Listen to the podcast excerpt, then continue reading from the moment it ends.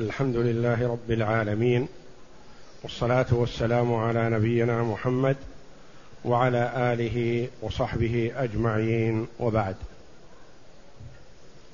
تقدم لنا الكلام على الزيديات في باب الجد والإخوة وأنها أربع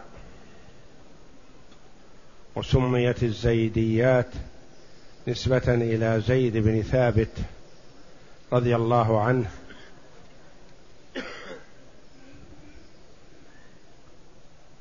وأنها العشرية والعشرينية ومختصرة زيد والتسعينية. وعرفنا العشرية أي أن أصلها ومصحها من عشرة.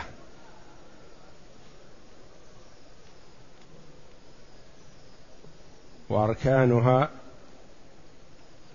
جد وأخت شقيقة وأخ لأب.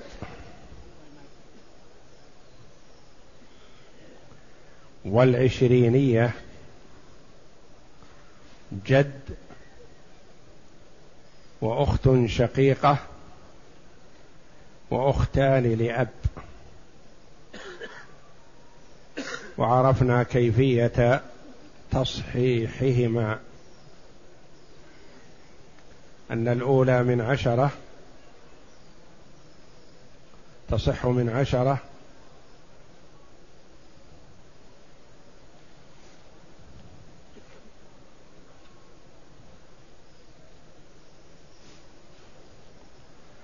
وذلك أن الجد يخير بين المقاسمة وبين ثلث المال.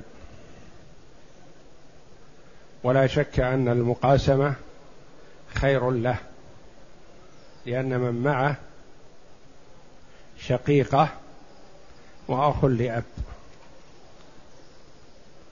لم يكونوا مثليه. فيقاسمهما خير له من أن يأخذ الثلث. فالمسألة إذن من خمسة من عدد رؤوسهم للجد سهمان ويبقى ثلاثة تأخذ الأخت الشقيقة اثنين ونصف من الخمسة.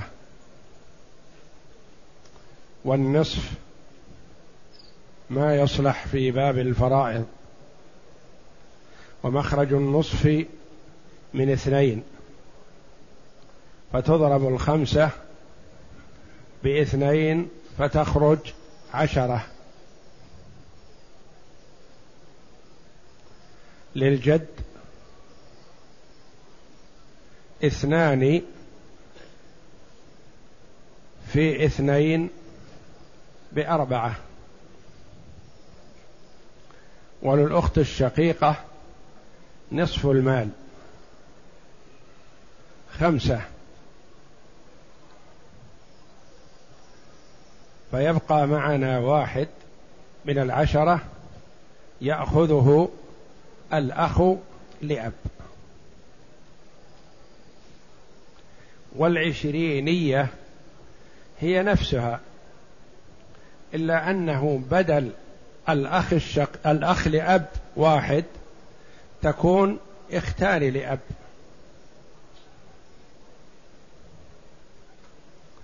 فنقول كذلك أصلها من خمسة. فالمقاسمة خير للجد. يأخذ اثنين لأنه برأسين. والأخوات شقيقة ولأب ولأب. بحسب القسمة لكل واحدة واحد. لكن الأخت الشقيقة ترجع على الأختين لأب فتكمل نصفها الذي فرض الله لها في كتابه ونصف الخمسة اثنان ونصف. يبقى نصف واحد من خمسة بين الأختين لأب لكل واحدة ربع. مخرج الربع من كم؟ من أربعة. نضرب الخمسة في أربعة فتخرج النتيجة عشرون. نعطيهم. نقول للجد له اثنان. مضروب في أربعة بثمانية. اثنان. مضروب في أربعة الذي هو جزء السهم بثمانية. وللأخت الشقيقة نصف المال ما يحتاج إلى ضرب. نصف العشرين عشرة. وللأختين لأب واحد في أربعة بأربعة لكل واحدة واحد. لها لهن نصف ليس واحد. لهن نصف في أربعة باثنين. لكل واحدة واحد. فللجد أخذ ثمانية والشقيقة عشرة ثمانية عشر. ولكل واحدة من الأختين من الأب واحد كمل عشرون. هذه العشرية والعشرينية. بقي معنا من الزيديات اثنتان. واحدة تسمى مختصرة زيد والأخرى تسمى التسعينية. وهي واضحة بحمد الله وسهلة. مختصرة زيد أركانها جدة معهم صاحبة فرض العشرية والعشرينية جد وأخوة فقط ليس معهم صاحب فرض في المختصرة والتسعينية معهم صاحب فرض وصاحب الفرض هذا يصح أن يكون أما وأن يكون جدة.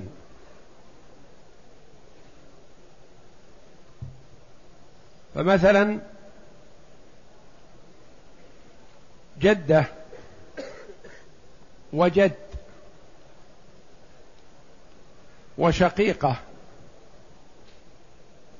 وأخ وأخت لأب.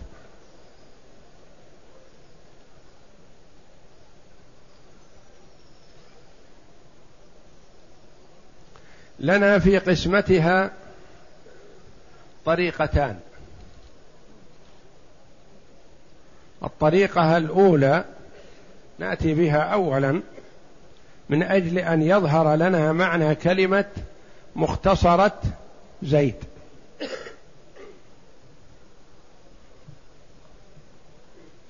جدة وجد وشقيقة وأخ وأخت لأب.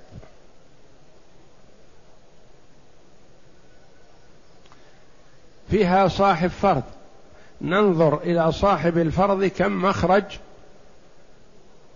فرضه. فنقول الجدة لها السدس. اذا المسألة من كم؟ من ستة. المسألة من ستة. للجدة السدس واحد.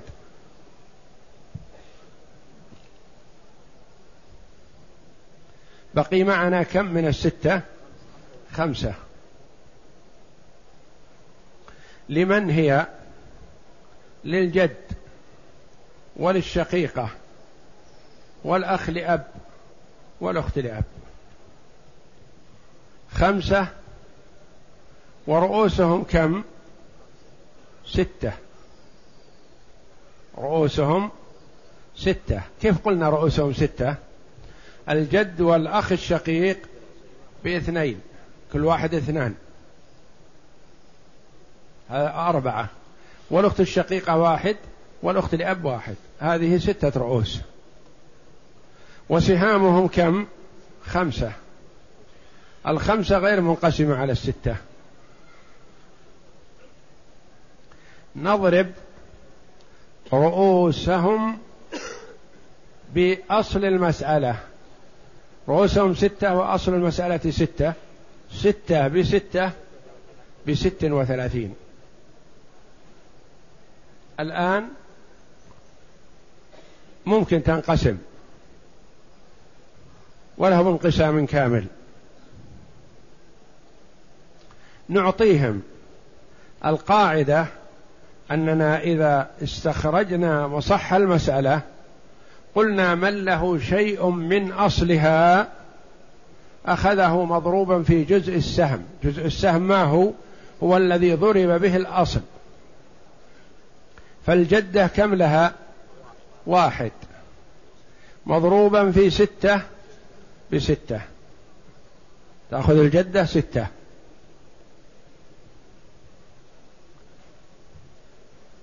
ستة من ثلاثين. كم بقي؟ نقول للجد والشقيقة والأخ لأب والأخت لأب لهم ثلاثون. في هذه المسألة يستوي للجد المقاسمة ويستوي له مع ثلث الباقي. إن قاسم هؤلاء كم يأخذ؟ عشرة. لأنهم سيعدون عليه الإخوة لأب أخ وأخت لأب وشقيقة. هم مثله. إن قاسمهم أخذ عشرة. وإن أخذ ثلث الباقي أخذ عشرة. هي هي. فنقول يأخذ الجد ثلث الباقي. الباقي كم؟ ثلاثون. يأخذ ثلثه وهو عشرة. الأخت الشقيقة تلتفت على الأخ لأب والأخت لأب تقول أكملوا لي النصف والباقي لكم. كم نصف؟ ست وثلاثين. ثمانية عشر. أعطينا الجد عشرة وأعطينا الأخت الشقيقة ثمانية عشر. كم بقي من الثلاثين؟ اثنان فقط. نعطيها للأخ لأب وأخته. يتنازعون فيها. اثنان ما تنقسم. كم رؤوسهم؟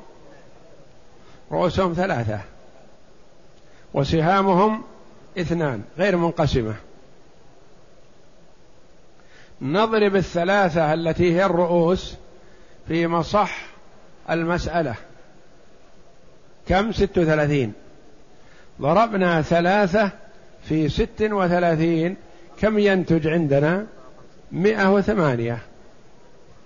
لأن نقول ثلاثة في ستة بثمانية عشر ثمانية معنى واحد ثلاثة في ثلاثة في تسعة ومعنى واحد عشرة. مئة وثمانية. نعطيهم. من له شيء من الأصل الأول والمصح الأول يأخذه مضروبا في جزء السهم. الجدة لها ستة في ثلاثة. بكم؟ ثمانية عشر. الجد له عشرة في ثلاثة بثلاثين. الأخت الشقيقة لها ثمانية عشر في ثلاثة بأربعة وخمسين. الإخوة لأب الأخ والأخت لأب لهم اثنان. في ثلاثة بستة. يأخذ الذكر أربعة وتأخذ الأنثى اثنين. هذه قسمتها. ثم نرجع وننظر إلى السهام. مية وثمانية. نجدها فيه اتفاق. بينها وتوافق بالنصف. لكل سهم نصف صحيح. فنردها إلى أنصافها ونختصرها. بدل ما هي مية وثمانية نقول للجدة ثمانية عشر. أليس لها نصف؟ نعم وهو تسعة. للجد ثلاثون. أليس لها نصف؟ خمسة عشر. للشقيقة أربعة وخمسون. أليس لها نصف؟ نعم سبعة وعشرون. للأخ لأب أربعة. أليس لها نصف؟ صحيح؟ بلى اثنان. الأخت لأب لها اثنان. أليس لها نصف؟ نعم نصفها واحد. فاختصرت من مئة وثمانية إلى أن صارت أربعة وخمسين. ورد نصيب كل واحد إلى نصفه. فلذا سميت مختصرة زيد. يعني اختصرت من 108 إلى نصفها 54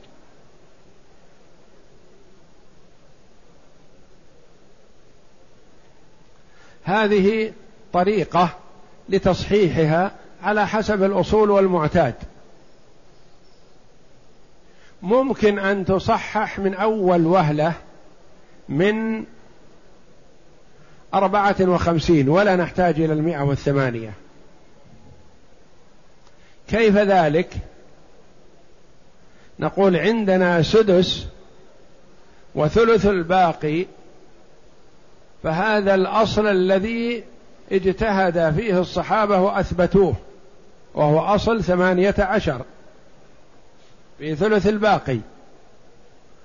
نقول جدة وجد وأخت شقيقة وأخ لأب وأخت لأب.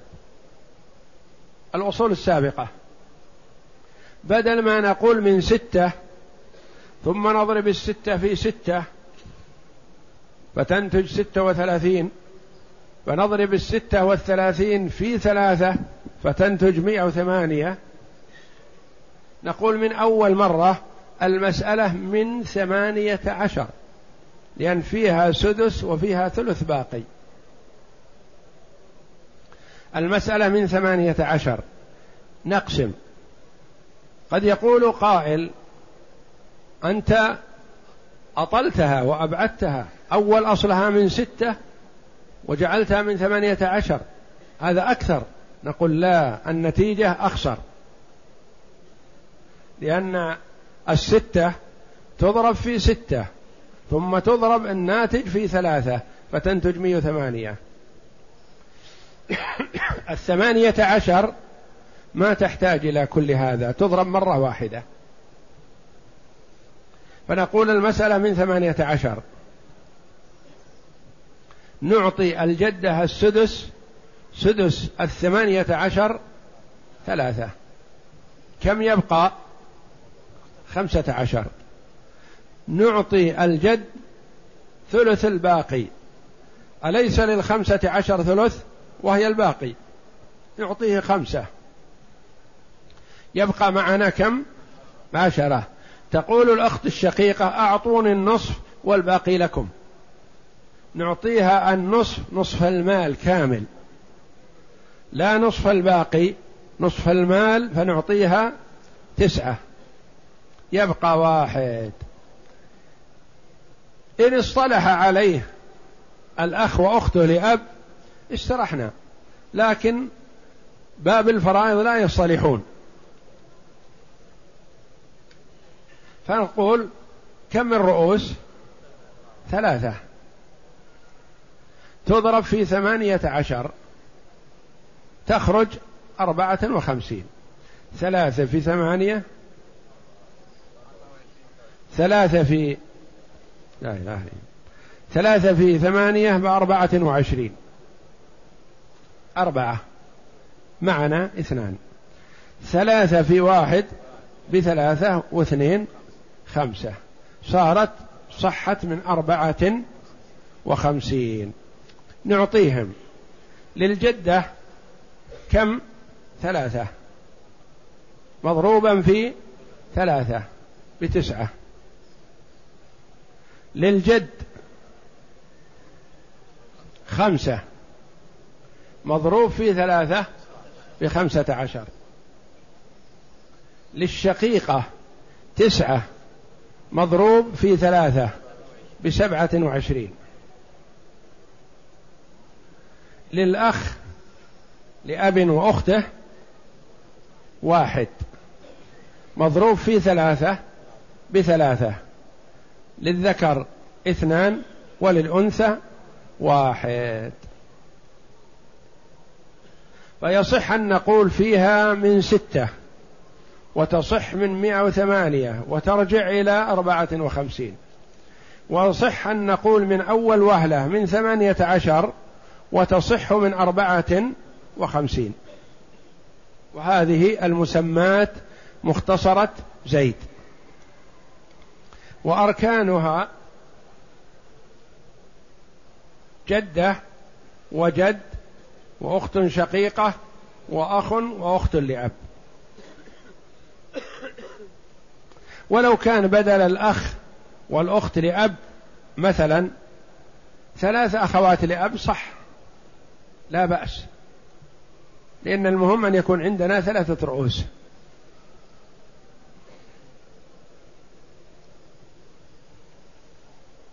هذه المسمات مختصرة زيد.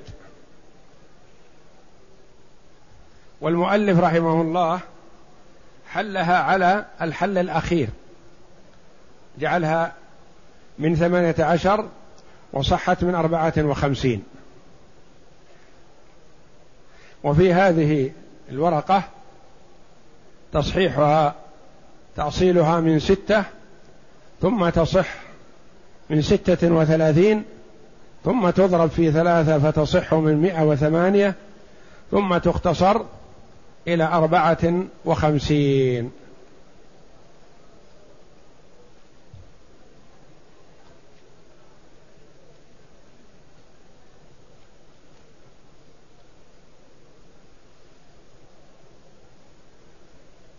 وعرفنا سبب تسميته بالزيديات أنها منسوبة إلى زيد بن ثابت رضي الله عنه الذي قال النبي صلى الله عليه وسلم عنه أنه أعلم أمة محمد بالفرائض رضي الله عنه.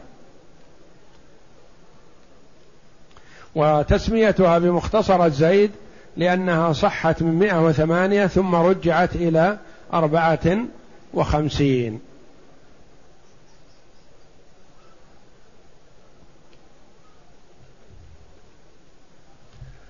التسعينية أصولها جدة ويصح أن يكون بدل الجدة أم لأن المهم أن يكون معنا صاحب سدس. جدة وجد وشقيقة وأخوان لأب وأختهم. نريد من هذا أن يكون عندنا خمسة رؤوس. المهم أن يكون عندنا خمسة رؤوس سواء كنا خمس أخوات لأب يصلح. أخوان وأخت لأب يصلح. أخ لأب وثلاث أخوات يصلح.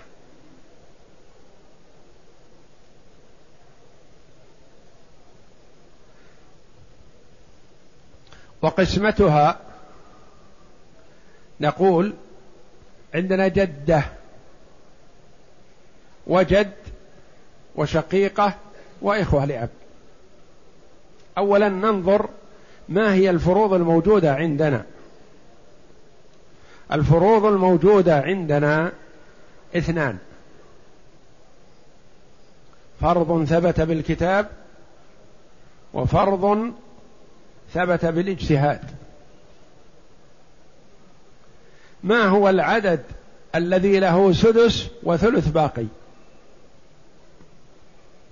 في هذه المرة نحن ملزمون بثلث الباقي لأن الجد يفر من المقاسمة لأنهم خمسة رؤوس وهو اثنان.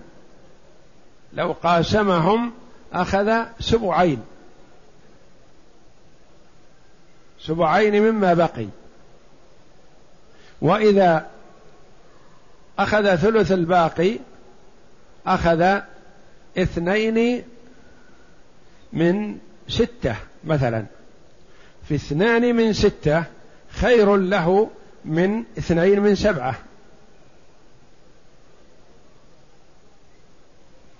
فنقول مثلا المسألة من أول مرة من ثمانية عشر.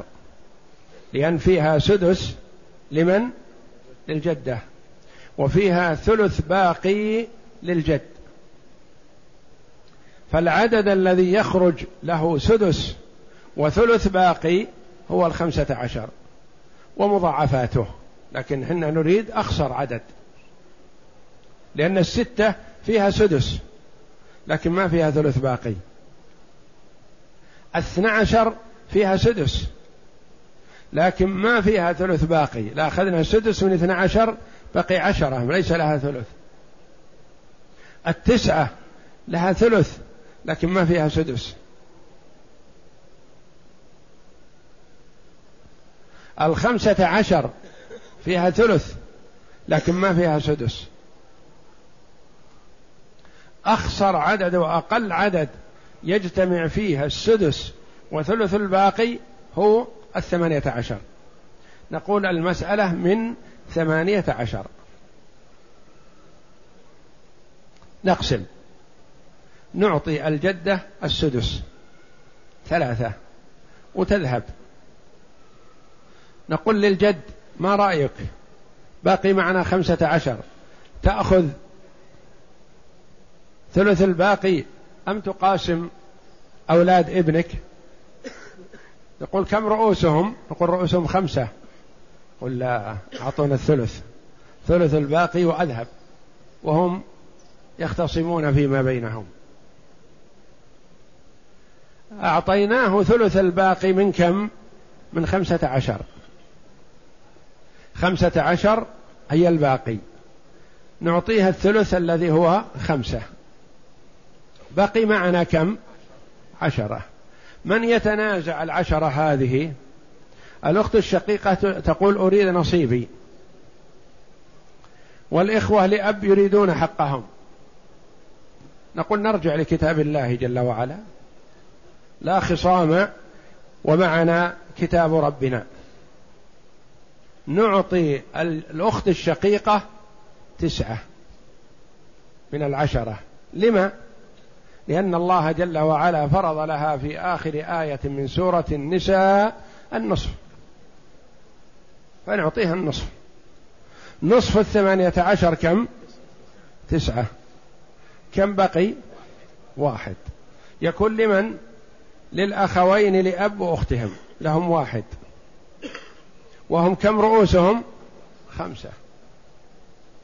نضرب رؤوسهم في أصل المسألة الثمانية عشر. خمسة في ثمانية عشر. تنتج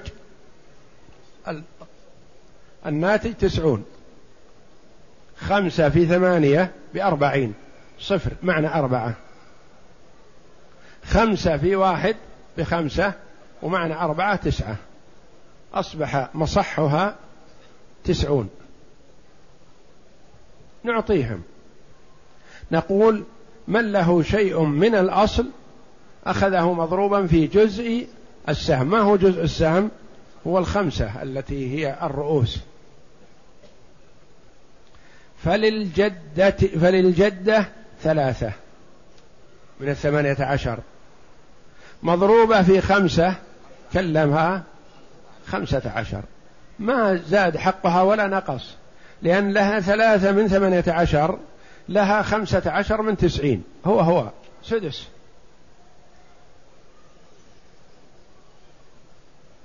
سدس الستة واحد. وسدس الستة والثلاثين ستة. كل واحد. سدس الثمانية عشر ثلاثة. سدس التسعين خمسة عشر. هو هو. أخذت الجدة خمسة عشر. نظرنا في نصيب الجد. كم أخذ الجد؟ أخذ خمسة. مضروبا في كم؟ في مع أختهم لهم واحد.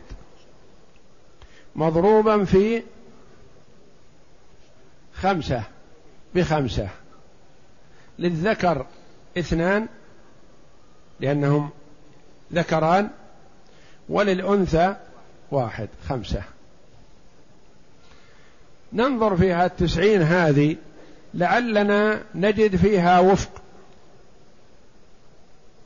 نردها إلى مثل ما رددنا مئة وثمانية إلى أربعة وتسعين. هل ت... إلى أربعة وخمسين؟ هل ترد هذه؟ ننظر. ممكن. نقول التسعون لها نصف. خمس وأربعين. ولها ثلث. ثلاثون. ولها سدس خمسة عشر. لعلنا نجد السهام متفقة على واحد من هذه الأجزاء. الخمسة عشر ليس لها نصف. نصيب الجدة. لكن لها ثلث والتسعون لها ثلث. لعلنا ننظر الباقي. اتفقت مع التسعين في شيء. الخمسة والعشرون. نصيب الجد.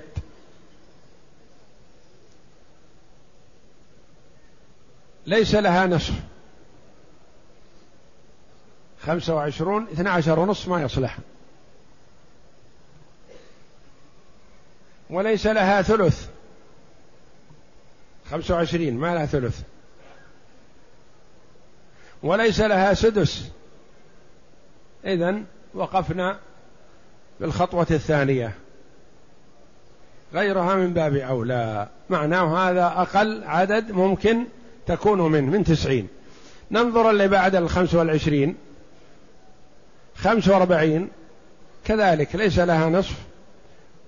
وإن كان لها ثلث لها ثلث لكن ليس لها نصف وليس لها سدس. الاثنان لها نصف الأخوة لأب. لكن ليس لها ثلث. الأخت لأب لها واحد ما له مرد لا نصف ولا ثلث ولا سدس ولا غيره لأنه واحد ما يقبل التجزئة. أقل شيء في الفرائض هو عندنا واحد. إذا أخسر ما تكون هي من تسعين وهو مصحها وهو أصل أصل أصلها من ثمانية عشر ومصحها من تسعين فلا تقبل الاختصار. إذا التسعينية سميت بهذا الاسم تسعينية لأنها صحت من تسعين. ونسبت إلى زيد لأنه حكم فيها زيد بن ثابت رضي الله عنه فنسبت إليه أو أفتى فيها. الثالثة مختصرة زيد وهي جدة وجد وأخت شقيقة وأخ وأخت لأب. فالمسألة من ثمانية عشر. للجدة السدس ثلاثة والأحظ للجد ثلث الباقي وهو خمسة يبقى عشرة يكمل للشقيقة فرضها النصف وهو تسعة يفضل واحد للأخ وأخته على ثلاثة رؤوس لا تنقسم. فنضرب ثلاثة في أصل المسألة ثمانية عشر فتصح من أربعة وخمسين.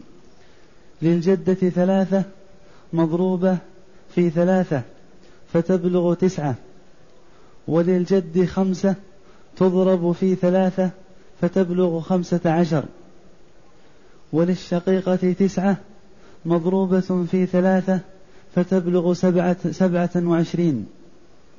وللأخت والأخ واحد مضروب في ثلاثة بثلاثة له اثنان ولها واحد وصورتها في المجدولة في الكتاب. والصورة على التصحيح الآخر نقول أصلها من ستة وتصح من ستة وثلاثين ثم تضرب الستة والثلاثون في ثلاثة فتصح من مئة وثمانية. فتقسم على ما تقدم ثم ننظر بين الأنصبة فنظر فنجدها قابلة للقسمة حيث أن كل عدد منها له نصف فالجدة نصيبها ثمانية عشر نصفها تسعة والجد نصيبه ثلاثون نصفها خمسة عشر والأخت الشقيقة نصفها أربعة وخمسون لها نصف سبعة وعشرين والأخ لأب نصيبه أربعة لها نصف اثنان. والأخت لأب نصيبها اثنان لها نصف واحد وهكذا. هذه مختصرة زيد. نعم. الرابعة التسعينية. وهي جدة وجد وأخت شقيقة وأخوان وأخت لأب. أخوان وأخت لأب. وعرفنا أنه يصح أن يكون بدل الجدة أم لأنها صاحبة السدس. وبدل الأخوين والأخت لأب يصح أن نقول خمس خوات لأب ويصح أن نقول أخ لأب وثلاث أخوات لأب ويصح أن نقول أخوان لأب وأختهم. نعم. فالمسألة من ثمانية عشر للجدة السدس المسألة من ثمانية عشر كيف قلنا هذا؟ لأن فيها سدس وثلث باقي. سدس وثلث الباقي أقل عدد يخرج منه هذا هو الثمانية عشر. عرفنا أن الستة لها سدس لكن ما لها ثلث باقي. وأن الاثنى عشر لها سدس وليس لها ثلث باقي. وأن أقل عدد هو ثمانية عشر.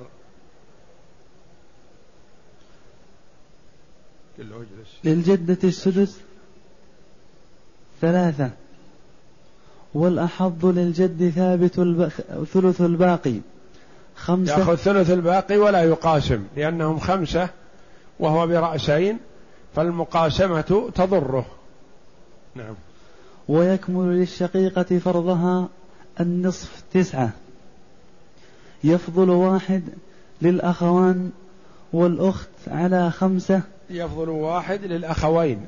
اكتبها بارك الله فيك لأنها غلطة واضحة هذه مطبعية.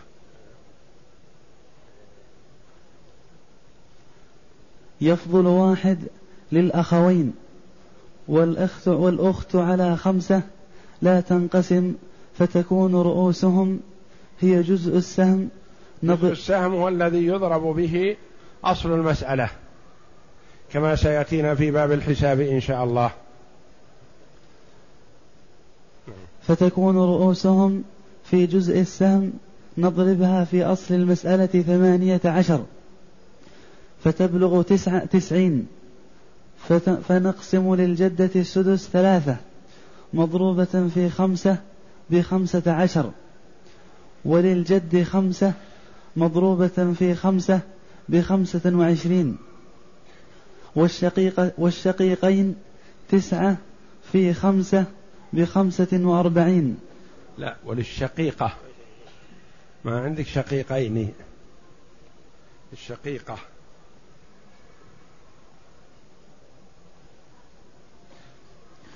وللشقيقة تسعة في خمسة بخمسة وأربعين.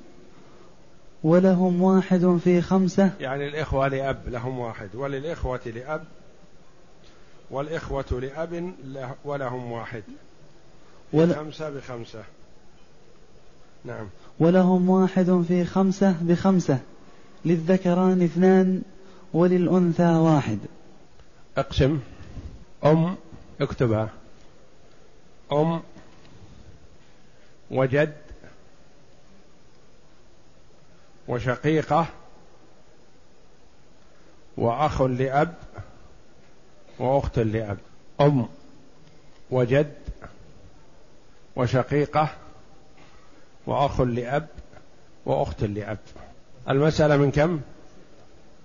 يصح أن نقول من ستة ويصح أن نقول من من ثمانية عشر. من ستة. نأخذ التصحيح الأول الذي صححنا عليه. نعم من ستة. للأم السدس واحد مثل الجدة. للأم لأن وجود الجمع من الإخوة حجبها في شقيقة وفيه أخ لأب وفيه أخت لأب. في ثلاثة حجبوا الأم من الثلث إلى السدس وإلا في الجد فلا يعد معهم. في حجب الأم من الثلث إلى السدس لا يعد الجد. نعم.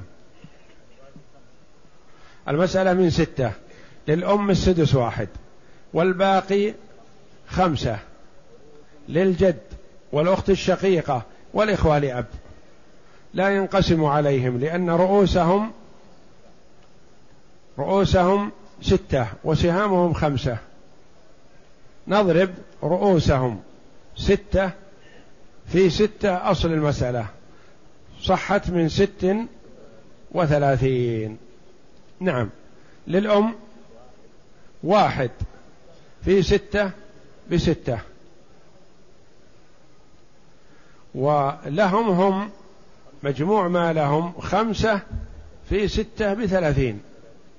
يأخذ الجد ثلث الباقي. يعني سيان له ثلث الباقي أو المقاسمة ما يختلف. يأخذ ثلث الباقي عشرة. يبقى معنا عشرون. الأخت الشقيقة تريد نصفها وهو ثمانية عشر. ويبقى اثنان. للأخ والأخت لأب ما ينقسم عليهم. كم رؤوس الأخ والأخت؟ ثلاثة رؤوس. تضرب في مصح المسألة التي هو ستة وثلاثين. تضرب في ستة وثلاثين يخرج الناتج مئة وثمانية. نعطيهم.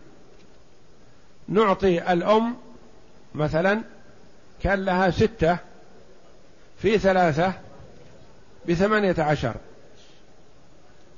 وللجد عشرة في ثلاثة بثلاثين. وللأخت الشقيقة ثمانية عشر في ثلاثة بأربعة وخمسين. وللأخ وأخته اثنان مضروب في ثلاثة بستة للذكر أربعة وللأنثى اثنان. هذه مئة وثمانية. نظرنا بين الأنصبة. كلها تجتمع في النصف كلها لها نصف. الثمانية عشر للأم لها نصف. الثلاثون للجد لها نصف. الأربعة والخمسين للشقيقة لها نصف.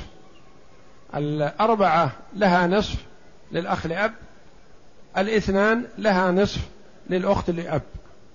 نرد كل سهم إلى نصفه تصح من أربعة وخمسين ولذا سميت مختصرة زيد. وعلى الطريقة الثانية على أن يكون أصلها من ثمانية عشر.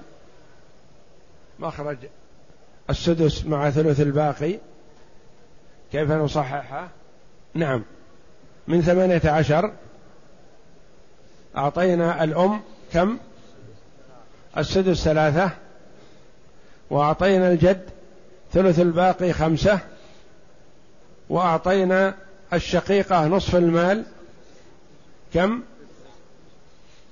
تسعة من ثمانية عشر وأعطينا الأخ لأب مع أخته الباقي واحد ورؤوسهم ثلاثة فضربنا الثمانية عشر في ثلاثة صحت من أربعة وخمسين كما تقدم.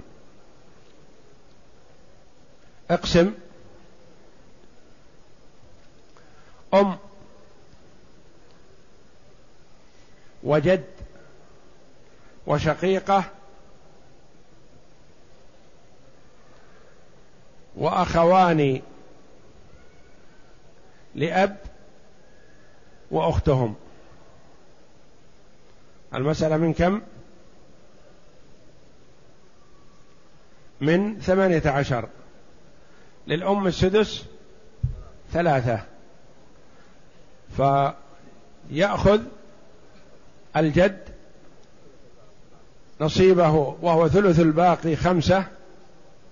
وتأخذ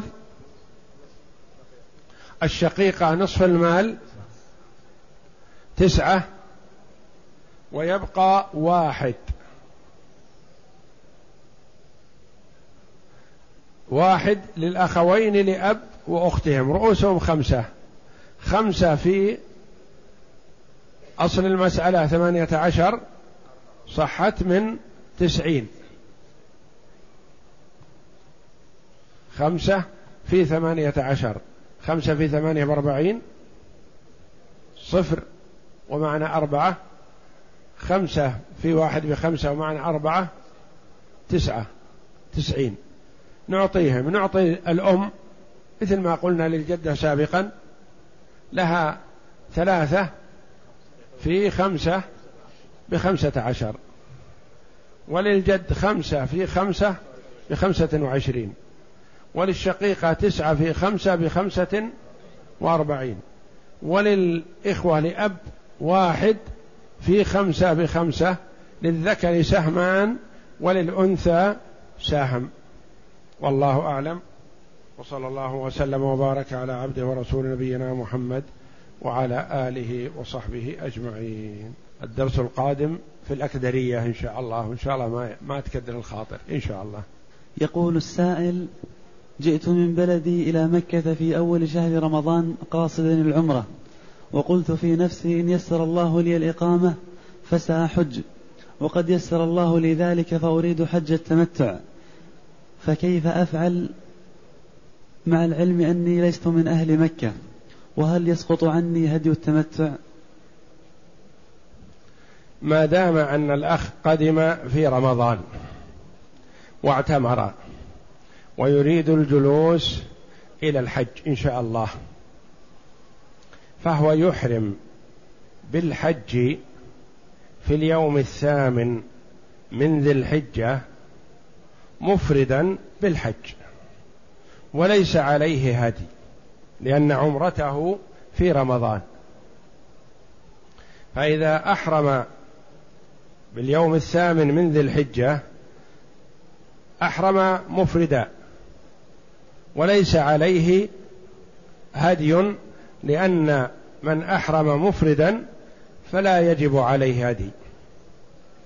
إن اعتمر في أشهر الحج عمرة أخرى كان يكون مثلا سافر إلى المدينة في شوال أو ذي القعدة أو في العشر الأول من ذي الحجة وعاد إلى مكة متمتعا بالعمرة إلى الحج فيحرم كذلك بالحج في اليوم الثامن من ذي الحجة من مكة ويكون عليه هدي التمتع.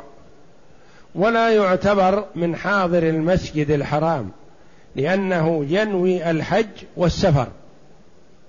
ما ينوي الإقامة حاضر المسجد الحرام هو من يريد الإقامة في مكة. لكن هذا مؤقت إقامته بالحج وأحرم بعمرة في أشهر الحج فيكون متمتعا. فإن أحرم بالحج متمتعا لأنه أتى بعمرة في أشهر الحج فيكون عليه هدي. فإن بقي في مكة ولم يخرج منها إلا في اليوم الثامن من ذي الحجة للحج فيكون مفردا بالحج وليس عليه هدي. يقول السائل رجل يريد الحج وهو مقيم بمكة منذ سنة وليس من أهلها فمن أين يحرم؟ ما دام أنه مقيم منذ سنة ولا ينوي الرحيل بعد شهر أو شهرين أو كذا وإنما هو ناول الإقامة.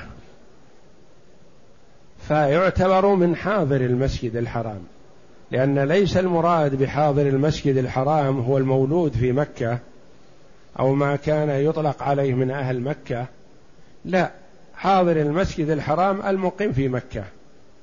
جاء مثلا لطلب العلم جاء للدراسة جاء للعبادة جاء لأي غرض من الأغراض وأقام بمكة فهو من حاضر المسجد الحرام.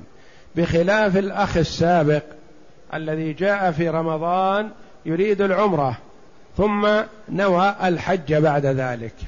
هذا لا يعتبر من حاضر المسجد الحرام لأنه جاء بنية بنية الحج فقط. جاء بنية العمرة أولا ثم أراد الحج فهو يريد أن يحج ويغادر. هذا لا يعتبر من حاضر المسجد الحرام بالنسبة في سقوط الهدي. وأما بالنسبة لأكله من من هدي التمتع وهدي القران وهدي الجبران فهو له حظ فيه ما دام موجود بمكة.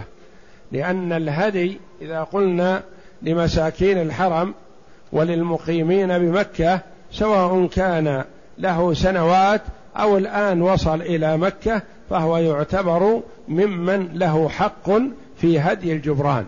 هدي التمتع وهدي القران يصلح لكل أحد للغني والفقير ومن كان بمكة ومن كان آه، في غير مكة.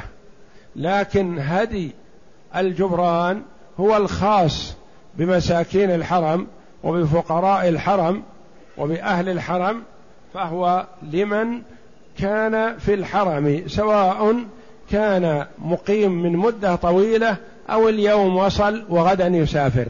يقول السائل هل يجوز دفع الضرائب من أموال من أموال ربا البنوك؟ لا يا أخي لا يجوز لك أن تتعامل مع البنوك بالربا بنية أنك تجمع الأموال الربوية وتسدد بها الضرائب. لأن الضرائب تجبرك الجهة التي تفرضها عليك تدفعها من مالك. فكأنك استحللت مال الربا من أجل أن تقي به مالك. فلا يجوز لك ذلك يا أخي. ولا يجوز أن تستمر في المعاملات الربوية من أجل أن تدفع بالناتج منها الضرائب التي تفرض عليك.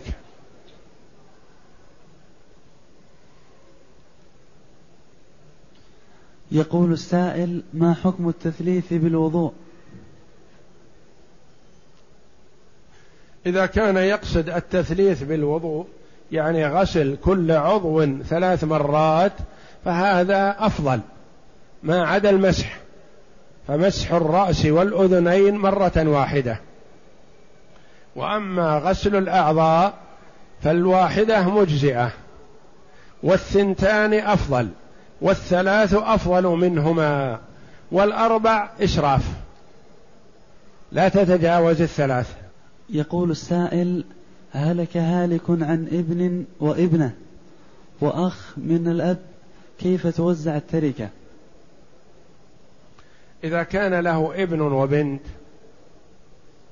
فليس للأخ لأب شيء وإنما المال لأولاد المتوفى للذكر مثل حظ الأنثيين وأخوه من الأب لا يستحق شيئا.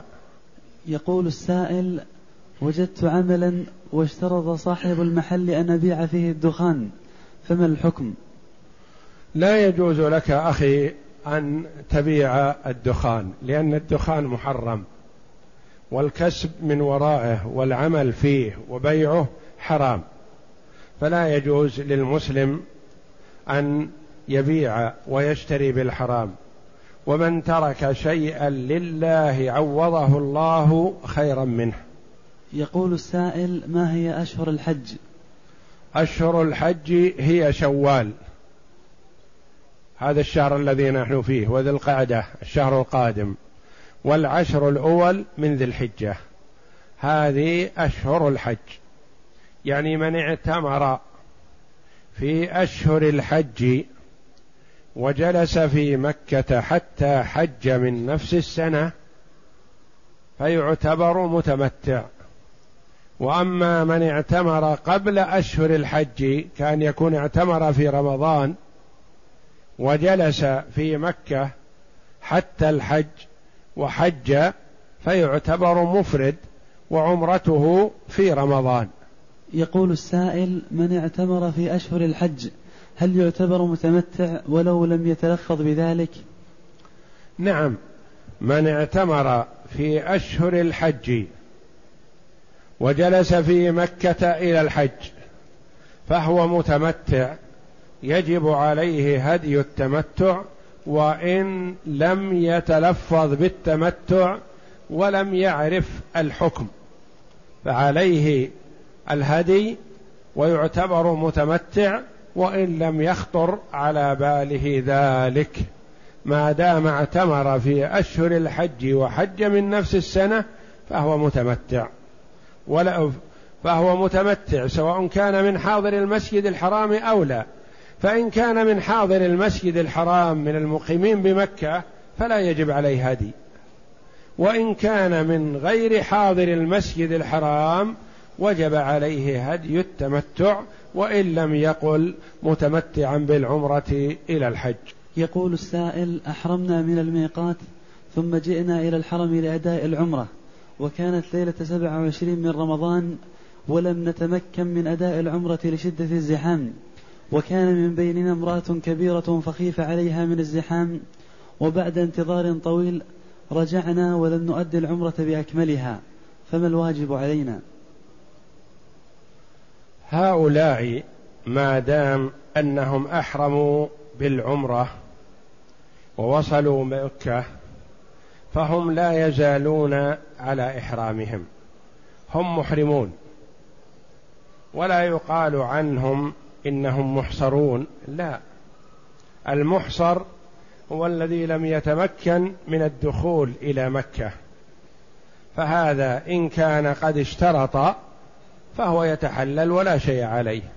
وإن كان لم يشترط فيذبح هديا ويتحلل ولا شيء عليه.